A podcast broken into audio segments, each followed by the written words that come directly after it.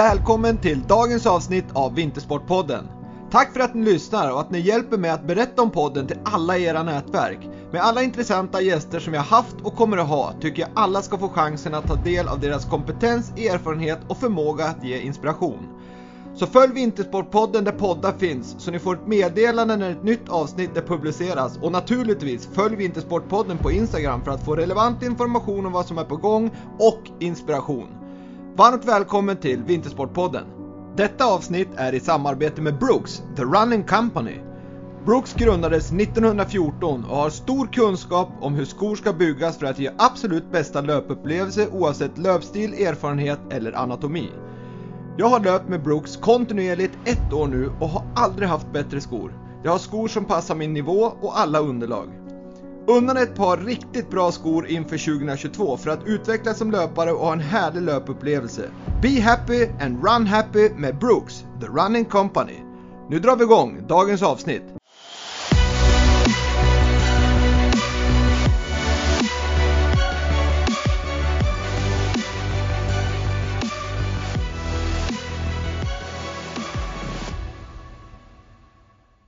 Dagens gäst i Vintersportpodden, psykologen, forskaren och doktorn på Karolinska institutet som forskar på ämnet ätstörningar kopplat till självbild, självkänsla och fysisk aktivitet. Välkommen till Vintersportpodden, Emma Forsén. Ja, hej, tack! Vilket fint, eh, vilket fint välkomnande. Ja, det var det, det är du värd ska jag säga. Det är ju, ska bli mycket, mycket spännande att få prata med dig här i Vintersportpodden och, och ta del av din otroliga kompetens i ämnet ätstörningar och så ska vi försöka så gott vi kan tillsammans föra över dina teoretiska kunskaper så att det blir så begripligt som möjligt och att vi kan ge konkreta praktiska tips till lyssnarna. Mm, det låter som en bra plan. Visst gör det det va? Mm. Härligt. Men innan vi går in på eh, kanske dig som person och dina liksom, kunskaper i ämnet så kan väl du berätta lite grann om vad du, vad du har forskat med och men framförallt vad du har för projekt igång nu på Karolinska? Absolut. Eh, så jag har jobbat med ätstörningar och eh, framförallt forskning och utbildning sedan 2009. Och ett eller liksom stor del av den tiden har jag ju ägnat åt avhandlingen då och den fokuserar just självbild som du nämnde i, i inledningen. Den fokuserar också interpersonella relationer och hur man som drabbad av ätstörning relaterar till sin problematik. Men nu på senare år sedan jag var klar med, med, med avhandlingen så har jag jobbat med i huvudsak två stora projekt. Det ena det är en klinisk behandlingsstudie där vi vill testa en ny behandling för just tvångsmässig träning vid ätstörning. Så den är precis igång och eh, det är superspännande för vi samarbetar med fyra ätstörningsenheter runt om i Sverige. Eh, och sen det andra projektet som jag jobbar med till vardags heter EDGI, Eating Disorders Genetics Initiative. Och där är Sverige en del i en global studie. För det här är en jättestor studie där vi just vill ta reda på varför vissa drabbas och andra inte. Så liksom orsaksfaktorer, både genetiska och mer miljömässiga. Mm. Och till Edgy söker vi faktiskt deltagare. Så om man är intresserad av att läsa mer om det projektet kan man gärna gå till www.edgy.se, alltså edgi.se och se om det liksom låter som något man vill delta i. Spännande, men, men då måste jag liksom ställa frågan om man ska delta i ett sånt eh, projekt, är, det, är man tvungen att vara liksom ja men ha problematiken då eller kan det vara eh, vem som helst som kan delta i projektet? Ja men bra fråga. Eh, vi, vi vill både nå personer som har eller har haft erfarenhet av ätstörning och kontrollpersoner som inte har erfarenhet av ätstörning för att just kunna jämföra de här grupperna på sikt. Så det är egentligen så att de allra flesta kan vara med i EDGI. Om man är 16 år eller äldre ska jag tillägga. Mm. Ja, jäkligt bra. Det är ju en möjlighet för alla lyssnare att att vara med i en sån studie och få ta del av ja, resultaten och, och framförallt bidra till, till det viktiga ämnet så, så gå in på www.edgy.se och läs mer och, och joina projektet för det tror jag det, det är som sagt var en jätteviktigt ämne som, som ska redas ut med i ledning av dig Emma. Ja men precis så det vore toppen. Ja, Men eh, när beräknas liksom, eh, det här projektet har ni dragit igång eller? Exakt, det är eh, min chef Cindy Bulick i USA som leder den globala satsningen. Och mm. eh, världen över vill vi nå 100 000 personer med erfarenhet av ätstörning. Så att vi har många år framför oss. Vi har hållit på ett år ungefär nu. Eh, men eh, man kan nog tänka att om kanske sådär 5-6 år så har vi nog eh, resultat från den här stora, stora studien.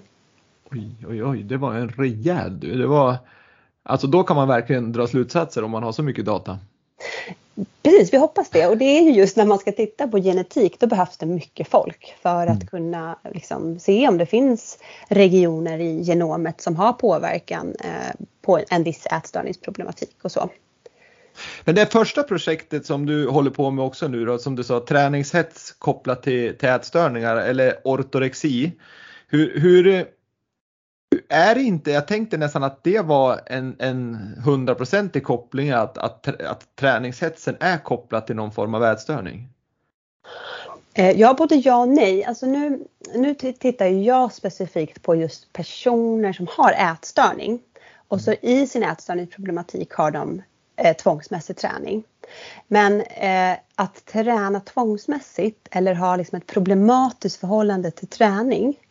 Eh, det kan man ju ha och kanske inte fylla alla kriterier för en ätstörning. Det är liksom inte helt ett lika med tecken. Men oftast om man har eh, bekymmer med träning så har man förmodligen också störda ätbeteenden. Det hänger liksom ganska så väl ihop.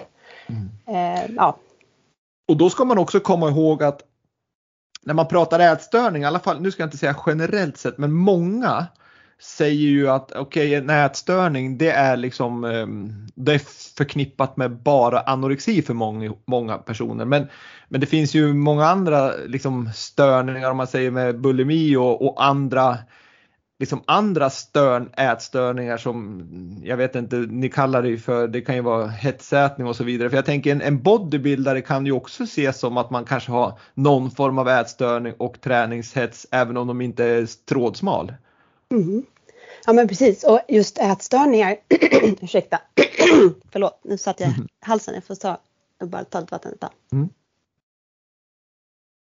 Så tar vi den frågan.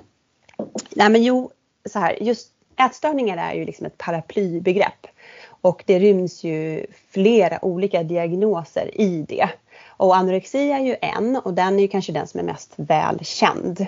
Men sen har vi bulimi som du pratade om. Vi har hetsätningsstörning som är att liksom äta stora mängder mat och uppleva en kontrollförlust. Att jag kan inte sluta helt enkelt. Men att man inte kompenserar för det. Och sen har vi också en kategori som kallas för andra specificerade ätstörningar som är liksom olika varianter av de här eh, så kallade huvuddiagnoserna. Så det är faktiskt rätt mycket som, som ryms i gruppen ätstörningar. Och, och, där snackar vi ändå någon som, alltså om man skulle dra något procentuellt över, över befolkningen, vi säger under 25 år så är det, vi snackar vi ändå ungefär 5% av befolkningen under 25 år som kanske har någon form av ätstörning. Ja, det där är liksom en väldigt bra fråga för att om man ska dra slutsatser om en sån exakt siffra då skulle man ju egentligen behöva fråga hela befolkningen och mäta. Mm. Och det gör man inte för det kostar för mycket och är för svårt. Eh, så allt, allt sånt här som handlar om prevalens, liksom förekomst, det är ju uppskattningar. Och om vi tar liksom en uppskattning så är det någonstans mellan sådär 1 till 4 procent som är drabbade. Och då beror det ju lite på just ätstörningsdiagnos. Det är ju till exempel mycket, mycket mer ovanligt med anorexi än med hetsätningsstörning. Mm. Ja precis, för det, det, ser man ju att alltså, hets, det kanske är 2 som har någon form av hetsätningsproblematik medan det kanske är 1 som har anorexia bara. Eller bara. Ja, ja, ja men precis. Och, och, och återigen är den där siffran så svår för att i en viss åldersgrupp så kan det vara eh, liksom en, en annan siffra. Och sen om vi mm. tittar på hela befolkningen, små som gamla, då blir siffran liksom en annan. Så att, eh, allt handlar ju lite om vilken grupp man tittar på och eh, ja, hur många som ingår i den och, och så. Mm. Ja, det är mycket. Det, det, jag förstår ju det när man håller på att forska att det kan ju vara beroende på hur stort man har gjort det och beroende på vad man frågar så får man ju svar. Och, och men det, det man kan konstatera att det är ju i vissa ålderskategorier så är det ett ganska, eller ett ganska, då är det ett stort problem skulle jag nog ändå säga. Ja, och framförallt så vill jag säga så här att vi har ju lite kunskap om, om, om de som kommer till vården. Men vi tror ju att det också finns ett mörkertal, alltså personer som är drabbade och som kanske liksom hankar sig fram själva med lite stöd, med lite någon mindre insats men som kanske inte kommer till den specialiserade vården och därför blir de liksom inte en siffra i statistiken eller hur jag ska uttrycka mig. Eh, så problemet kan ju mycket väl vara större än vad vi liksom ser rent konkret. För där, där har det ju varit, i alla fall om du backar bandet, låt oss säga en eh, ja, 7 till 10 år, så har det ju ändå, då har det ju blivit mer vanligt att även killar och pojkar i 15, 16, 17, 18, 19 och 20 års åldern också har, det har ju växt det, men kanske inte växt rent att fler är sjuk, men det är ju fler som ändå har, har sökt vård och så vidare, vilket var mer ovanligt förut. Eh, mm. Och, och, där ser man ju, och förmodligen finns det ett stort mörkertal fortfarande där. Mm.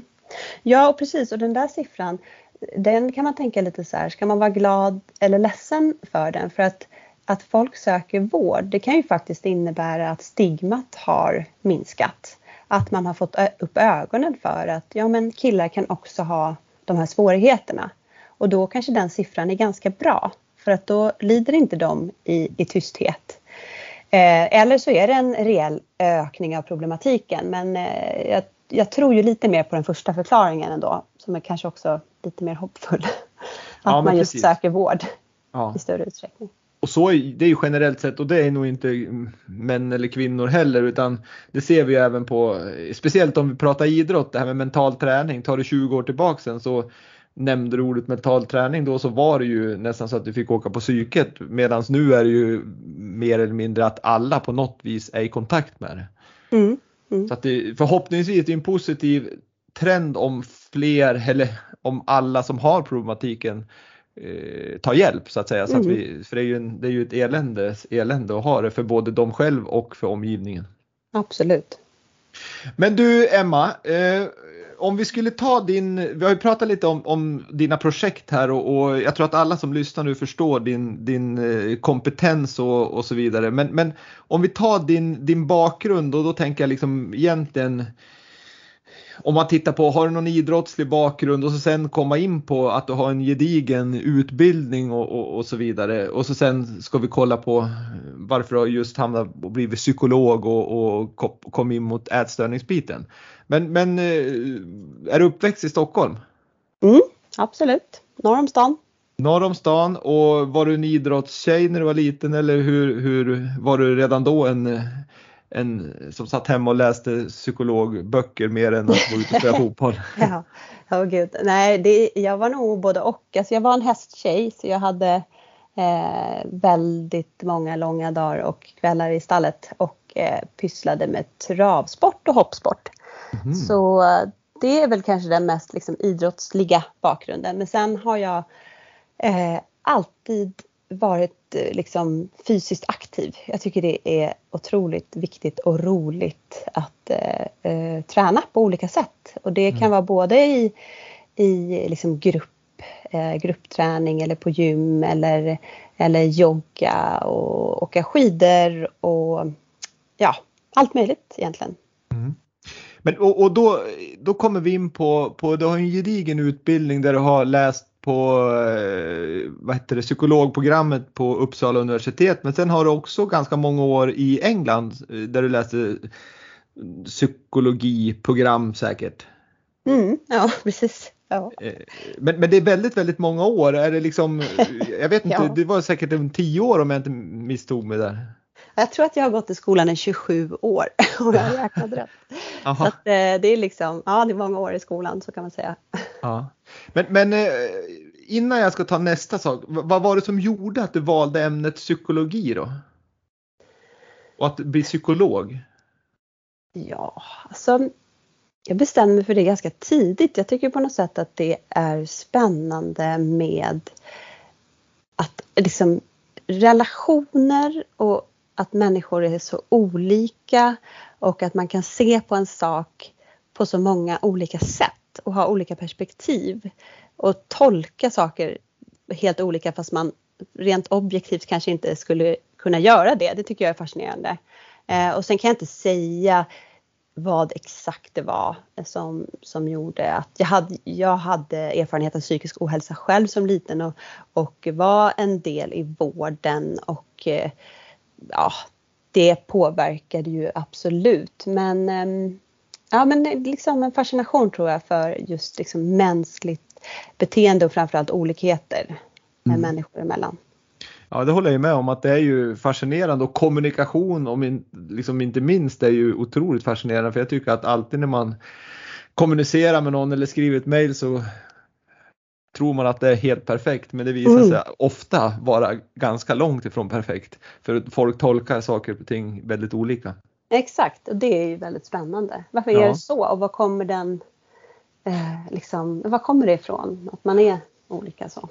Ja, det är så himla, äh, det där är ju jättemärkligt och hur man liksom läser in och hur man tolkar saker och, och, och, och beror det på någon form av uppväxt eller genetik och det är ju samma sak som det här med det du tittar på mätstörningar så är det väl samma sak i den frågan misstänker jag.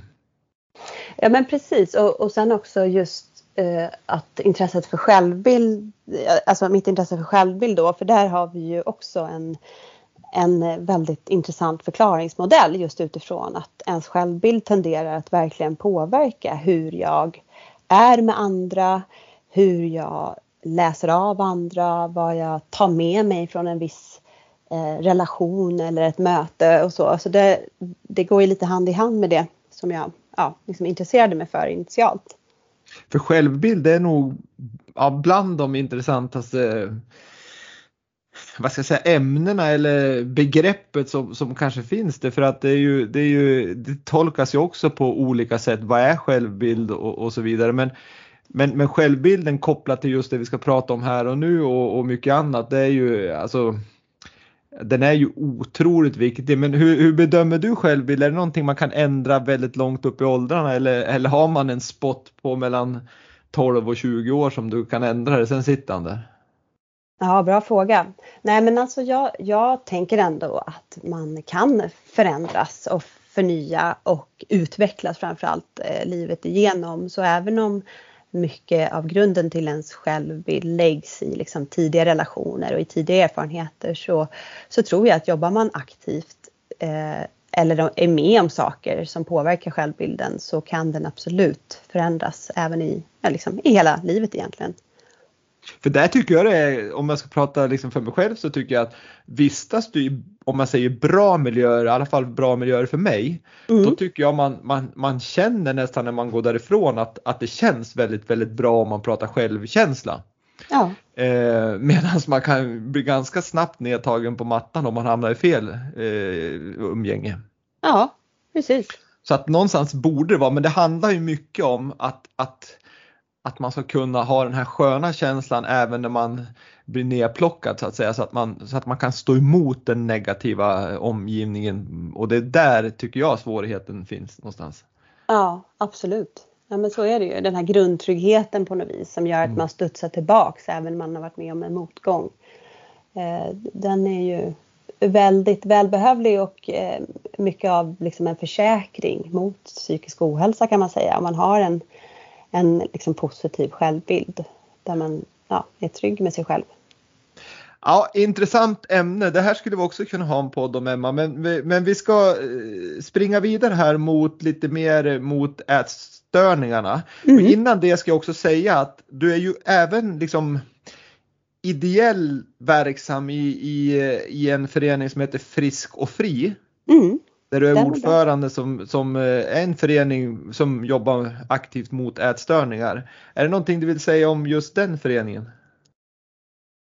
Ja, absolut. Ja, framförallt så är jag otroligt stolt över att vara ordförande för den föreningen. För det är en förening som gör så mycket bra och viktigt i, i samhället på många olika nivåer och för väldigt många olika människor.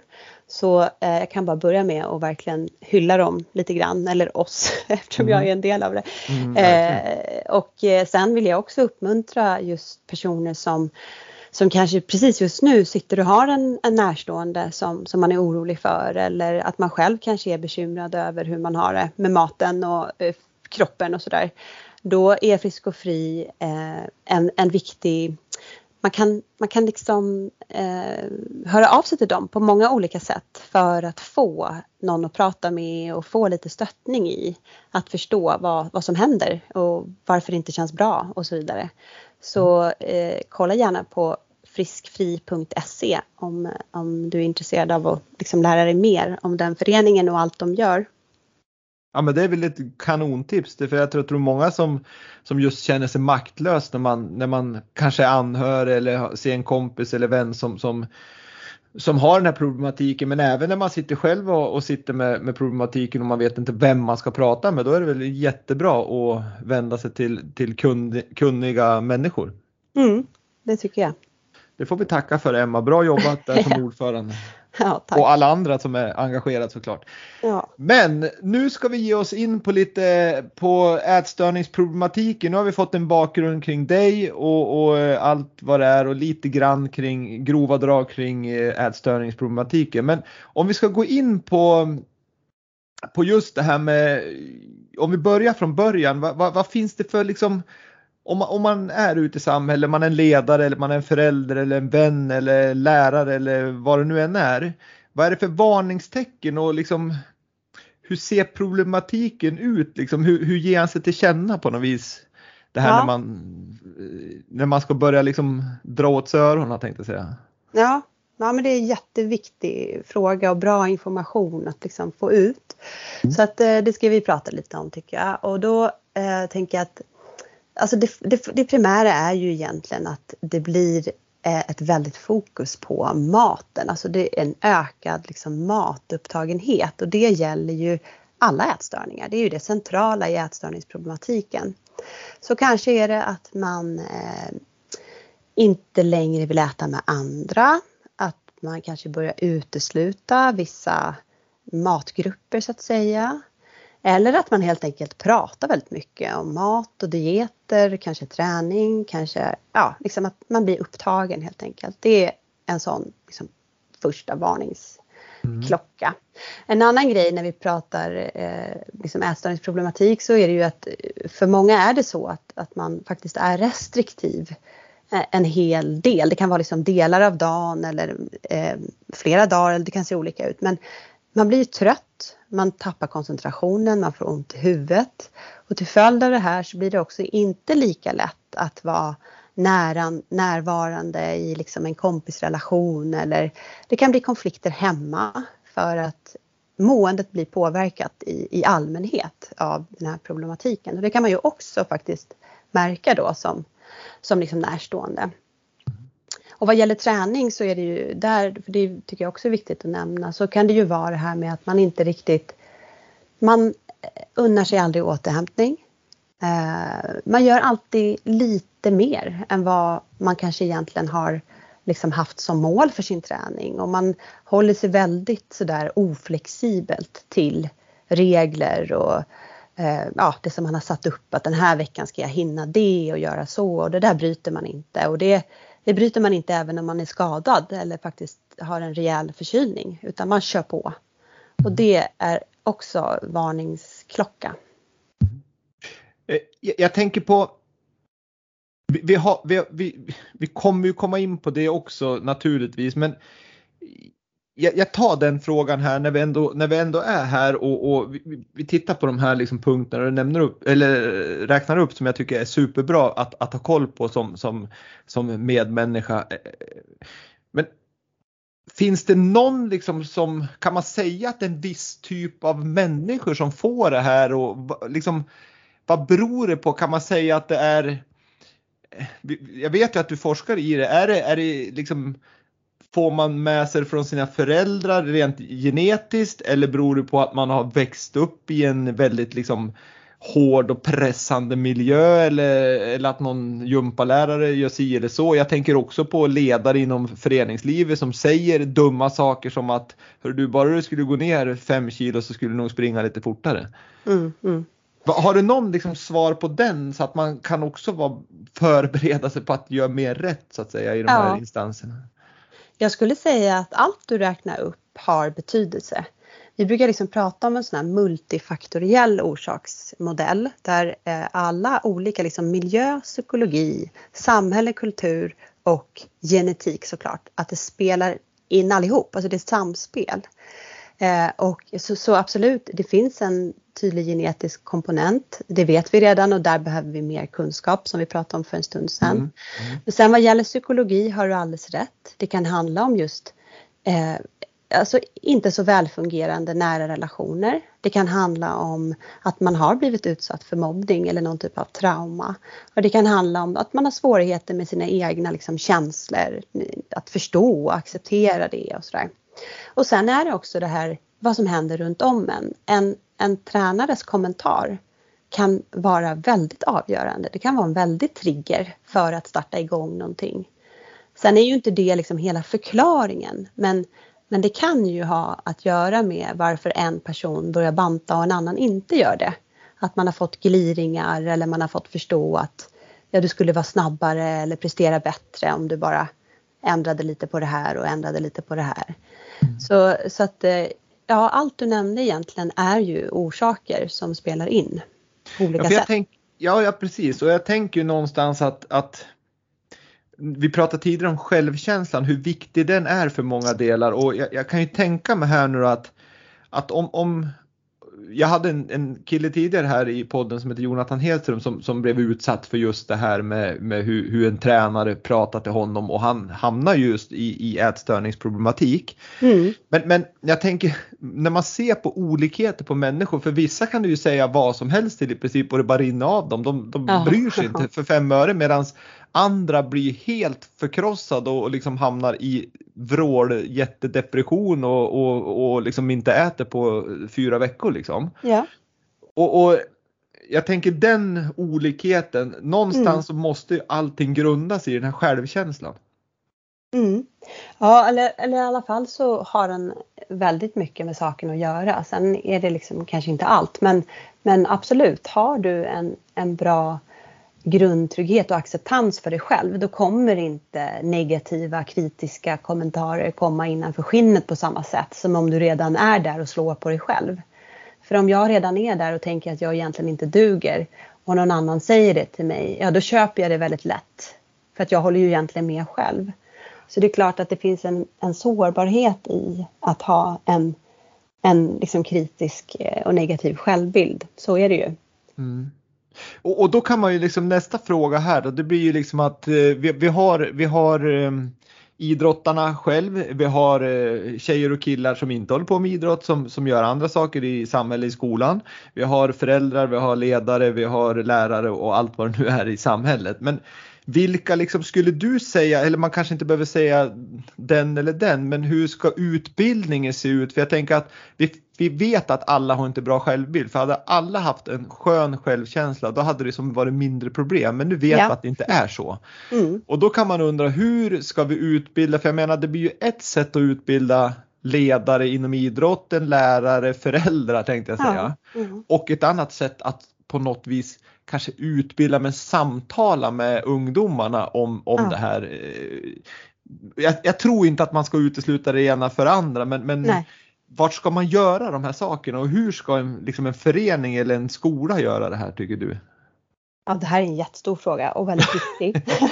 men jag vill faktiskt återigen då ta upp Frisk och Fri för jag vill liksom verkligen bara berätta att de har ju just insatser för Eh, så det finns dels WeCare och iCare som är eh, utbildningar för tränare och ledare inom föreningsidrott just för att få syn på hur kan jag erbjuda ett hälsosamt ledarskap? Hur kan jag vara en förebild och vara medveten om vad jag sänder för signaler till mina aktiva för att just förebygga ätstörningar. Och det, det är liksom en så viktig ingrediens och jag bara önskar att det här blir större och större och att eh, eh, liksom idrottsföreningar landet över förstår vikten av att verkligen jobba med det hälsosamma ledarskapet. Eh, jag vet att många gör det men, men där tror jag absolut det finns mer att göra. Och sen som du är inne på skolan, absolut. Där har också Frisk och Fri uppdrag självkänsla som är riktat till just eh, barn och unga från 12 år uppåt. Som är liksom workshop kring eh, normer och ideal, kring självkänsla, självacceptans och så vidare. Och sen har de också faktiskt insatser för just eh, viktiga vuxna som lärare på skolan eller personer liksom på vad heter det, UMO, ungdomsmottagningar och sådär. Och det kallas för Uppdrag Frisk. Och där handlar det ju väldigt mycket om att just utbilda om varningstecken och hur man kan ta ett samtal med någon man är orolig för, vart det finns hjälp att söka och så vidare. Och jag tror att eh, det som faktiskt erbjuds av Frisk och Fri är eh, ett liksom väldigt bra startpaket. Och sen kan man absolut säkert göra ännu mer på fler eh, ställen och nivåer i samhället. Men det är en bra start. För någonstans tror jag att det där är viktigt att man, att man startar någonstans. Man behöver inte sikta mot stjärnorna direkt utan jag tror det är bättre att börja i alla fall och få någon form av grund. Men, men kan man söka det här eller köper man den här? Är det en onlinekurs det här eller kommer Frisk och Fri ut och föreläser eller hur funkar det?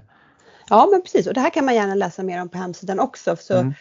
För det är lite olika. Uh, iCare är en onlineutbildning för idrottsledare och tränare och den mm. kan man köpa för ett, uh, ett väldigt lågt pris skulle jag säga. Nu ska inte jag säga exakt på kronan men det är någonstans runt, om jag inte minns fel, 350 kronor för en sån utbildning. Mm. Eh, sen finns det WeCare och det är mer fysiska workshops där personer från Frisk och Fri kommer ut och pratar med eh, utvalda i en, i en idrottsorganisation. Eh, Uppdrag självkänsla det köps ju in primärt av skolor. Eh, men, men där är också en väldigt låg kostnad. Jag tror i princip att det är reseomkostnaderna som ska täckas ungefär. Eh, och sen så Uppdrag Frisk kostar också en liten slant då. Men eh, ja, så alla de här eh, insatserna kan man få tillgång till då. Ja, för det jag tror att eh, någonstans är det ju just det här. Mm, för, för, ofta riktar man in sig på en, en kategori att nu ska vi bara prata med ungdomarna och så går de in och har en jättebra workshop eller, eller utbildning och så kommer de in på, på träning eller skola eller vad det nu än är och så uh, har inte ledarna liksom någon som helst förståelse. Och jag tror att det är viktigt att alla led får någon form av ja, utbildning, information så att man jobbar mot liksom, samma saker hela tiden. Och då säger jag även styrelserna i en idrottsförening tycker jag ska, mm. ska vara med för det är någonstans där det börjar ändå. Liksom. Precis, precis. Ja men så är det ju. Mm. Det behövs någon slags helhetsgrepp. Mm. Ja men vad bra, då har du gett ganska tydliga liksom, så här, känne, det, det, här liksom kännetecknar. Och jag tänker på när vi ändå är inne på det här så, så det, det snackas ju väldigt liksom sociala medier, jag menar backar bandet 20 år, ja men då fanns det ju inte sociala medier men den här sjukdomen fanns ju ändå. Hur, hur liksom, tycker du att sociala medier har, har det blivit värre sen, sen det bara sprutar ut bilder på Instagram och Snapchat och allt vad det är om hur man ska se ut och inte se ut? Eh, alltså om det har blivit värre eh, är liksom en fråga som inte jag riktigt kan svara på. Det har ju varit lite nu i ropet här med Facebook och Instagram och hur eh, det påverkar liksom unga med bildbaserade medier. Men just liksom kopplingen till ätstörningar mellan sociala medier, där vet vi för lite.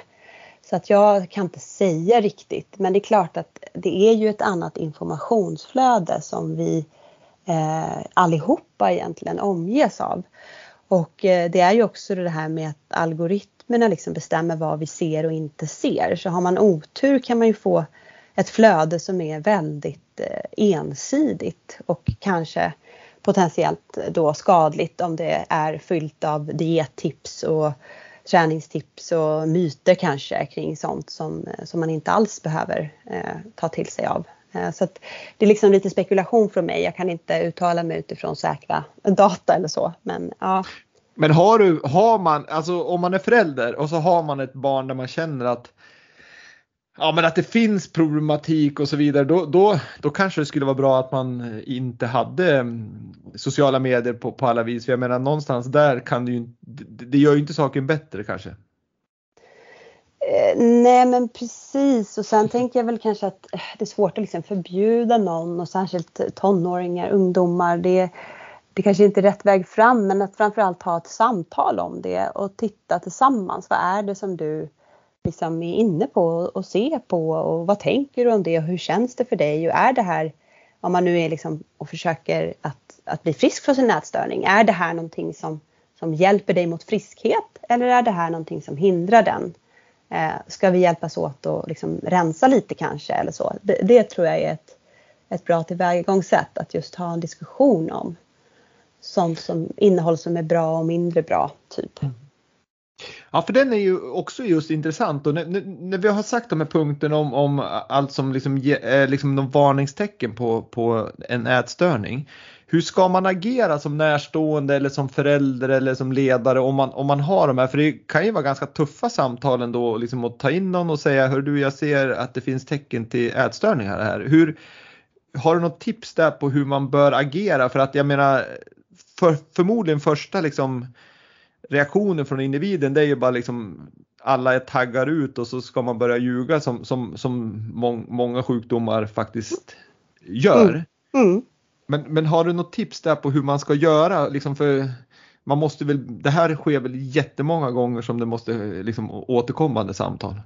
Ja, exakt. Alltså jag tror att det, en viktig sak är ju att försöka att inte eh, liksom vara så dömande utan mera berätta vad man har noterat. Alltså jag har, jag har liksom märkt att du, om man är kompis säger vi och jag har märkt att du inte längre äter skollunchen. Och då känner jag mig orolig för det. Eh, och då kanske jag liksom bara säger det så. Istället för att tänka att man säger så här, jag tror att du har en ätstörning som kan kännas väldigt hotfullt för en mm. person. Så att man kanske får försöka uttrycka sig ganska så liksom nära det man, man har noterat och sett då själv.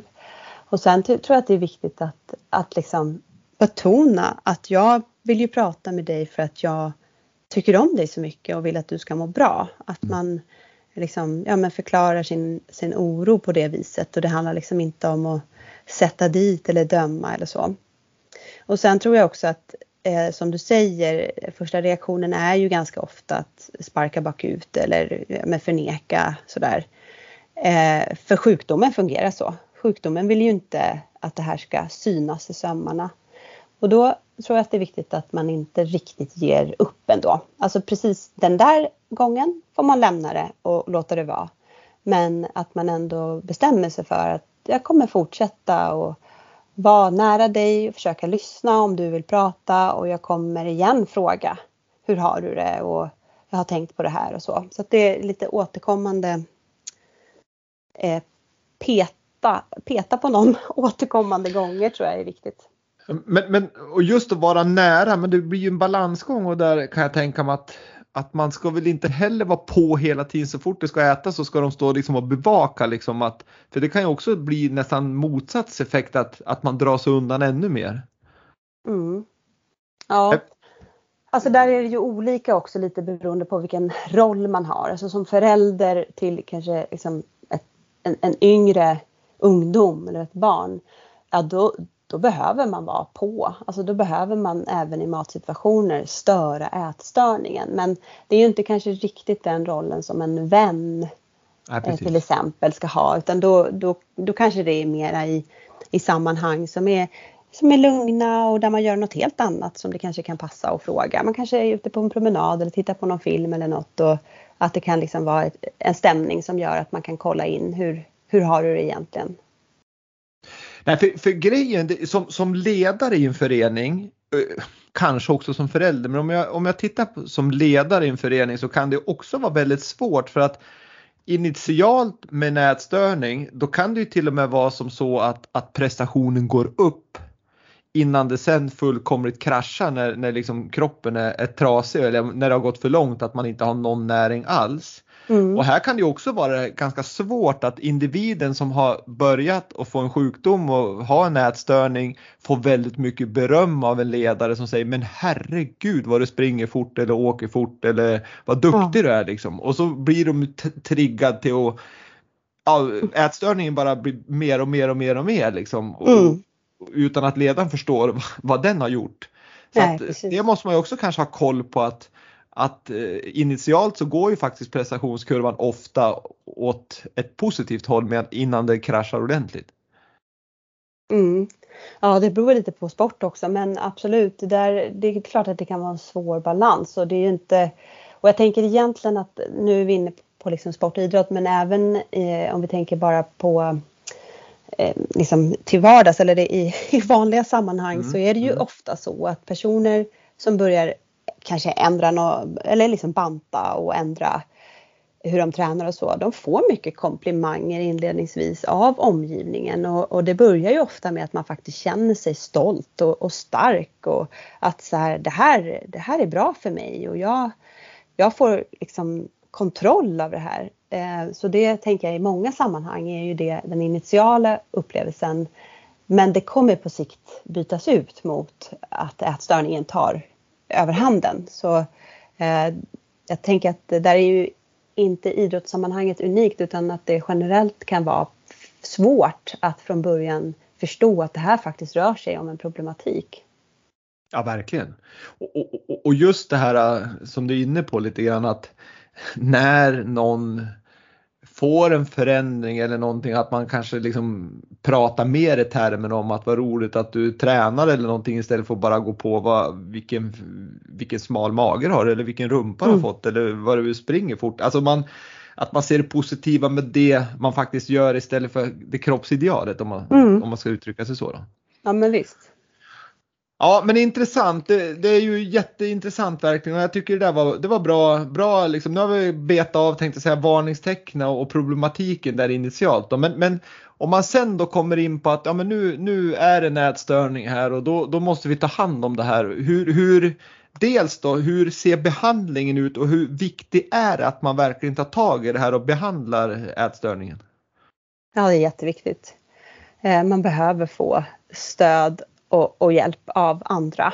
Och eh, det är klart att det finns många olika nivåer i vården som kan hjälpa till och lite beroende på ålder och så. Men i den specialiserade eh, ätstörningsvården då så, så erbjuder man ju primärt evidensbaserad eh, behandling, alltså sånt som har prövats i studier och visat bra resultat. Eh, och då, då finns det liksom en behandling som heter KBTE eh, som är liksom en ätstörningsspecifik KBT-behandling. Eh, det finns familjebaserade behandlingar och det finns interpersonell, eh, interpersonella psykoterapeutiska behandlingar, bland annat. Men oavsett liksom vilken exakt behandling man får så försöker ju vården också ha ett eh, personcentrerat perspektiv. Liksom, vad är det den här individen behöver som, ja, för att bli frisk? Eh, så att, ja, det är lite olika hur, hur behandlingsupplägget kan se ut men en kärna är ju alltid att stabilisera ätande.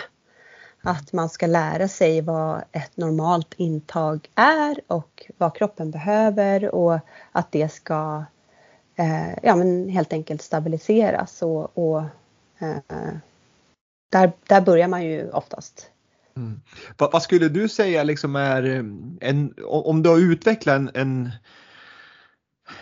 ja, men en, eh, om jag får uttrycka mig som ordentlig ätstörning, alltså en, en ätstörning som, som verkligen är en ätstörning och som har varit det under, under en tid. Hur, hur lång tid är behandlingen? Är det en, liksom, är det en livslång problematik ungefär som alkoholism eller, eller eh, får du bort och så sen har du inte mer? Ja, eh, det, ser lite olika ut för olika men generellt så kan man säga att efter ett år i ätstörningsbehandling så är ändå majoriteten på bättringsvägen och många är friska. Men sen finns det de som har problematiken i många år och vissa även ja, liksom mer eller mindre livet igenom. Så att det är väldigt olika men eh, när vi pratar om det så vill jag också verkligen poängtera att det går att bli frisk. Så det är inte en liksom, kronisk dom utan eh, det handlar helt enkelt om att man behöver få hjälp och eh, försöka ta den och eh, så kommer de allra flesta bli friska på sikt. Mm. Och, och, det är ju jättebra att du säger för att eh, det ska ju verkligen, det, det ska, ska, ju vara motiverande och det ska inte vara så här känna att oj då, här, här var du kört. Men, men jag tänker så här, vad, om, om jag börjar med den frågan, vart, om, om man har den här problematiken som vi säger att man då som närstående förälder ska hjälpa sin dotter eller son med, med den här problematiken. Vart ska man vända sig då för absolut bästa hjälp? Ja, man ska vända sig till eh, specialistvården helt enkelt. I, det finns ju i Sverige, över hela Sverige. Mm. Och eh, det bästa är ju att gå in på 1177 på Vårdguiden mm. och söka just i mitt län. Vad finns det då? Vart ska jag vända mig med, med ätstörningsproblematik? Och många, jag tror nästan alla ställen, de allra flesta i alla fall, har just sån här egenanmälan, alltså att man skriver en eh, Eh, som att skicka en egen remiss kan man säga. Man beskriver problematiken och eh, personuppgifter och allting och skickar in. Eh, och sen kan det ju ibland vara så att det behövs remiss via vårdcentral eller så. Jag ska inte svära på exakt hur det ser ut där men många ställen har egen anmälan. Mm. Ja, nej men det är bra att veta för att jag tror det kan vara lite som svårt för, för vissa att just det här med att var ska man vända sig? Är det, är det privat vård eller är det, är det liksom, vad ska jag säga, regionvården? Men då, då har du ju svarat på det att i 1177 finns det liksom en, en väg in och det var jättebra. Mm. Men, men här har jag en, jag ska baka in en, en lyssnarfråga här som jag har fått mycket frågor på, på det här ämnet vilket jag inte var någon jätteöverraskning. Eh, men, men någonstans så handlar om mycket om om det vi har pratat om redan och, och många är ungefär samma liksom, syfte med, samma, med frågorna. Men, men den är liksom lite grann kring det här med behandling, en person eh, i det här fallet som, som har varit sjuk eh, men som då har blivit frisk och inte har de här um, eh, ja, men ätstörningsproblematiken längre. Mm. Men som förälder så är den här liksom vet inte riktigt hur ska jag prata med min dotter för, liksom i, kring ätstörningar. För han har inte vågat prata med sin dotter på grund av att han är rädd att riva upp liksom, gamla sår. Mm. Mm. Hur, skulle du säga, liksom, eh, ska man ha en tät dialog hela tiden om det eller ska man bara liksom, nu är det bra sopor under mattan, prata inte om det här något mer nu?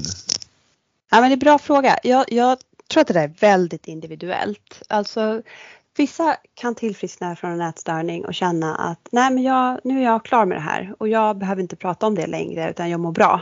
Eh, och andra kan känna ett jättebehov av att förstå vad, som, vad, man, vad har jag varit med om och vad har ätstörningen gjort att jag har missat i livet och vem är jag nu och att det är många frågor som är kvar än även fast ätstörningsproblematiken är bättre.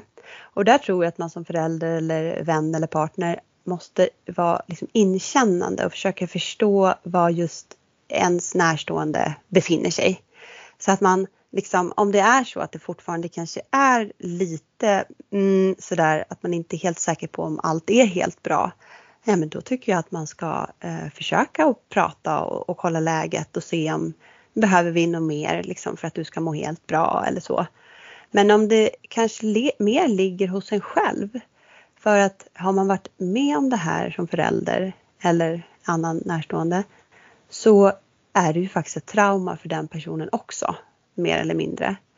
Eh, och det kanske är så att behovet av att prata om den upplevelsen är mer ditt än mm. den personen som har varit drabbad och då, då kanske man ska fundera över om jag behöver stöd och hjälp för min egen del för att faktiskt kunna repa mig av det här jättejobbiga som vi har varit igenom, liksom, som familj kanske eller som partnerrelation. Så. så jag tror att man måste försöka förstå eh, lite behovet i eh, vem behöver prata och eh, ja, agera men, därefter. Men du tycker inte man behöver vara rädd egentligen för att fråga, ställa frågan. Hur, hur ser du på situationen? Alltså, det som har varit, ska vi, vill du, är du i behov av att prata, ska vi, ska vi göra det eller känner du att du liksom har kontroll på läget? Och, så, och sen kan man lämna det om det nu är som så att motparten säger att nej men det är bra, jag känner att jag, jag vill inte prata om det där så mycket. Och så lämnar man den delen av det. Känner du att, att det är rätt väg att gå? Ja, jag tycker det. Jag tycker man absolut kan fråga om, om man kan se, liksom, finns det något bra tillfälle för det, om man kan lyssna in hur svaret blir.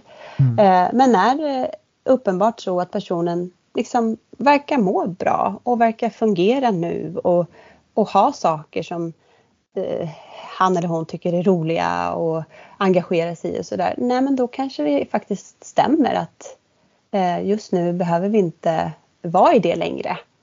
Sen kanske det kan komma ett behov senare i livet att så här, förstå sig på det. det. det. kan väl se olika ut för olika individer liksom. Men eh, ja, inte vara rädd för att fråga. Men också vara noggrann med att lyssna på hur, hur det tas emot och vad som behövs. För sen tycker jag det är jättebra det du säger att, att ofta så leder det här till Liksom det, är, det, är ju, det är ju ingen liksom walk in the park sjukdom det här som, som det liksom eh, Eh, glansdagar utan det är, det är ju förmodligen ganska tuffa år när det här eh, liksom är som värst. Liksom. Det, det är säkert mycket konflikter i familjen och, och det är liksom man blir frustrerad som förälder att de inte äter och de mår dåligt och liksom så att jag tror nog det som du säger att mår individen bra som har varit sjuk så är väl det jättebra men, men jag tror det är också viktigt som du sa att, att de runt om kan ju också ha fått ganska liksom jobbig ja, men någon form av trauma också rent psykologiskt. Så att man, man ska nog fråga sig själv om man också ska behöva uh, ha samtalsstöd och så vidare för att kunna gå vidare. Ja, ja men faktiskt. Och, och där det finns det risk här precis som med alla andra sjukdomar att man blir medberoende, liksom att man inte riktigt vill se problematiken utan man, man hamnar själv och skyddar personer som har ätstörning. Finns den risken? Eh, ja, det, det, kan man väl kanske säga. Alltså, det är ju lätt att inledningsvis kanske försöka förklara bort vissa beteenden eller så eh, för att man kanske helt enkelt är rädd eller inte har tillräckligt med kunskap. Mm. Eh, men eh, ja, jag vet inte. Jag, har lite svårt att svara på hur det ser ut liksom över sikt. Men om man, om man tänker som en familj som går i familjeterapi tillsammans för att eh, ungdomen liksom ska bli frisk. Då, då får man ju verkligen lära sig verktyg för hur ska vi göra för att du ska må bra? Och hur ska vi säga? Och ja, liksom Eh, att man hjälps åt som familj och då tänker jag att där är ju mycket fokus att bryta det där eh, att låta ätstörningen vinna liksom. Alltså där är, vi, är man ju tillsammans mot ätstörningen på något vis. Mm. Ja men precis så är det ju verkligen. Men, men jag tänker nu, nu har vi ju haft en, en pandemi, förhoppningsvis har vi haft en pandemi bakom oss. Det verkar ju som i Sverige som det är hyfsat eh, trots att Europa och andra delar av världen är är återigen oroväckande eh, smitt, smittotal. Men, men jag tänker på den här gruppen eh, som, som är i den här riskgruppen eller som, som har ätstörningsproblematik. Hur, hur tror du de har påverkats när de har varit isolerade? För då finns det ju verkligen en chans att, att eh, utöva sin ätstörning utan att folk ser, ser problematiken eftersom man inte fick träffa någon. Ja, nej men precis. Det har ju varit hemskt för många men vi har ju faktiskt redan en hel del studier världen över som visar att eh, personer med ätstörning, det har varit eh, extra tufft under den här tiden. Personer som tidigare var friska har utvecklat symptom igen. Eh, personer som borde ha blivit friska, om vi bara ser på liksom tillfrisknadsstatistik, har inte blivit friska personer med ätstörning upplever generellt ganska mycket, har upplevt mycket ångest under den här tiden. Eh, och sådär. Så att det, det har varit eh, påfrestande helt klart för den här gruppen. Och jag tänker dels som du säger, ja men isolering absolut, men sen är det också det här att eh, kanske inte riktigt ha det här eh, stödet vid måltider. Om man bor själv till exempel så kan det vara ganska bra att äta med kollegor på lunchen. Det är mm. liksom normaliserar hur man äter och sådär. Eh, det har ju också varit möjlighet att spendera mycket tid i triggande miljöer. Alltså man har varit hemma och kanske scrollat lite extra på Instagram eller läst bloggar som man kanske inte hade hunnit läsa annars. Eller så. Alltså det, det, det kan nog finnas en hel del faktorer som eh, har försvårat just för gruppen. Kan man, har man lärt sig någonting? Jag, jag menar det kommer säkert komma fler pandemier eller andra liksom, situationer där man hamnar eh, på egen hand eller så vidare. Har, har man på något vis utvecklat några metoder för det redan nu? För framtiden? Ja, bra fråga. Jag vet inte riktigt hur jag ska svara på det. Men, men en sak, alltså det här är ju väldigt spekulation, men om man tänker bara på hur vi har blivit bättre på att umgås med varandra digitalt. Eh, och eh, liksom, ja men både eh, jobbmässigt och socialt så, så kanske det är så att skulle det bli någon liknande situation så har man i alla fall lite kortare väg till någon slags social kontakt som visserligen inte är fysisk och att man möts på samma sätt men att vi har ändå lärt oss väldigt mycket på det. Så det kanske man skulle kunna tänka som någonting bra. Ehm, och sen eh, tänker jag också att om vi vet det här nu att psykisk ohälsa generellt, ätstörningar specifikt, påverkas av en sån här omständighet.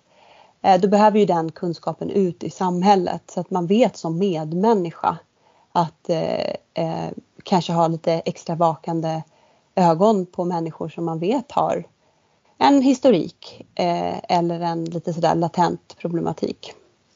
Ja, verkligen och, och, det hoppas man ju liksom att, att vad ska jag säga, det positiva med den här negativa pandemin som har varit att det kommer ju nya liksom kunskaper och nya rön hur man kan hantera det framåt som, som kanske kan leda till liksom en, en positiv utveckling eh, generellt sett i, i både det här, den här problematiken men även andra problematiker vi har i samhället. Mm. Men, men du, jag tänker så här, vi, må, många som lyssnar på, på den här podden har ju liksom någon form av vi har ju haft en kille bland annat med som har eh, som går på ett idrottsgymnasium och som, som har flyttat själv när de är 16 år och sådär. Mm. Och här kan jag ju se, jag, jag, säger inte att man, det är inte problemet bara för att man flyttar själv när man är 16 och, och man ska börja laga mat själv och man ska handla själv och så vidare. Det behöver ju inte i sig leda till nätstörning. Det vill jag vara väldigt noggrann med att säga att det är ju inte samma sak liksom. Men, men jag tänker, har du minsta lilla tendens till någon form av problematik och så ska du flytta själv på ett idrottsgymnasium eller något annat gymnasium där du flyttar hemifrån när du är 16 år. Mm. Eh, där, det är ju en problem i sig men ska man som Plus att man då ökar träningsdosen ganska rejält förmodligen när du flyttar in på ett, på ett idrottsgymnasium. Men mm. som förälder då ska man hur, hur, ska man hantera det? Ska man ha någon, försöka få någon stödfamilj eller någon som kan hjälpa till att titta efter sin dotter eller son för att ta koll på det? Har du, no har du någon Det är en svår fråga, jag ja, vet Emma. Svår men, fråga. Men... Alltså jag skulle väl önska att man eh, kanske som förälder hittar ett sätt att vara eh, hyfsat närvarande ändå, även fast jag förstår att det ofta handlar om väldigt stora avstånd. Men att man på något vis ändå såg till att man kunde ses eh, mer regelbundet än liksom skollov och enstaka helger. Eh, det, det tror jag skulle vara bra framförallt för de yngsta. Men sen tänker jag att det ligger ju väldigt mycket på framförallt idrottsgymnasierna eh, då själva att faktiskt ha kunskapen på plats. Att kunna alltså veta hur man jobbar förebyggande och eh, hur man upptäcker i tid och vad man då kan hjälpas åt att göra och sådär. Så att man skapar bra klimat på plats eh, där man är många med ögon på, på ungdomarna. Liksom. Eh, det, det tänker jag väl spontant så.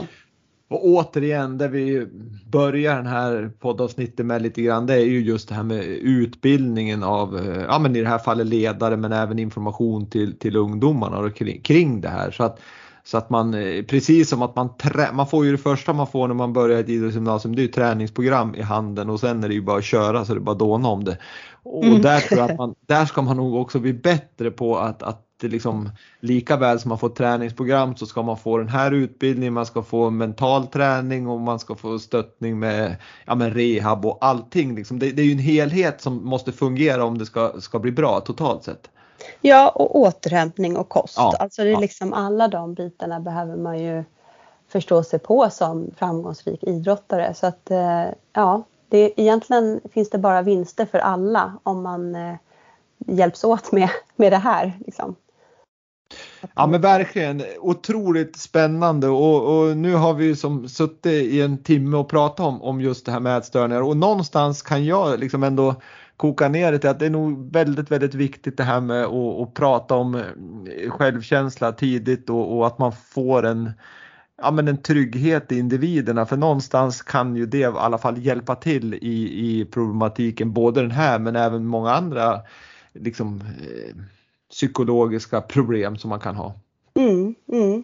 Ja, och liksom, det, det, är ju en sak, men en, den andra saken är ju också att, att våga att få med sig att det är okej okay att ta hjälp av andra. Att, liksom, att våga prata med någon när man mår dåligt. Det är ju också någonting som är väldigt bra att ha med sig.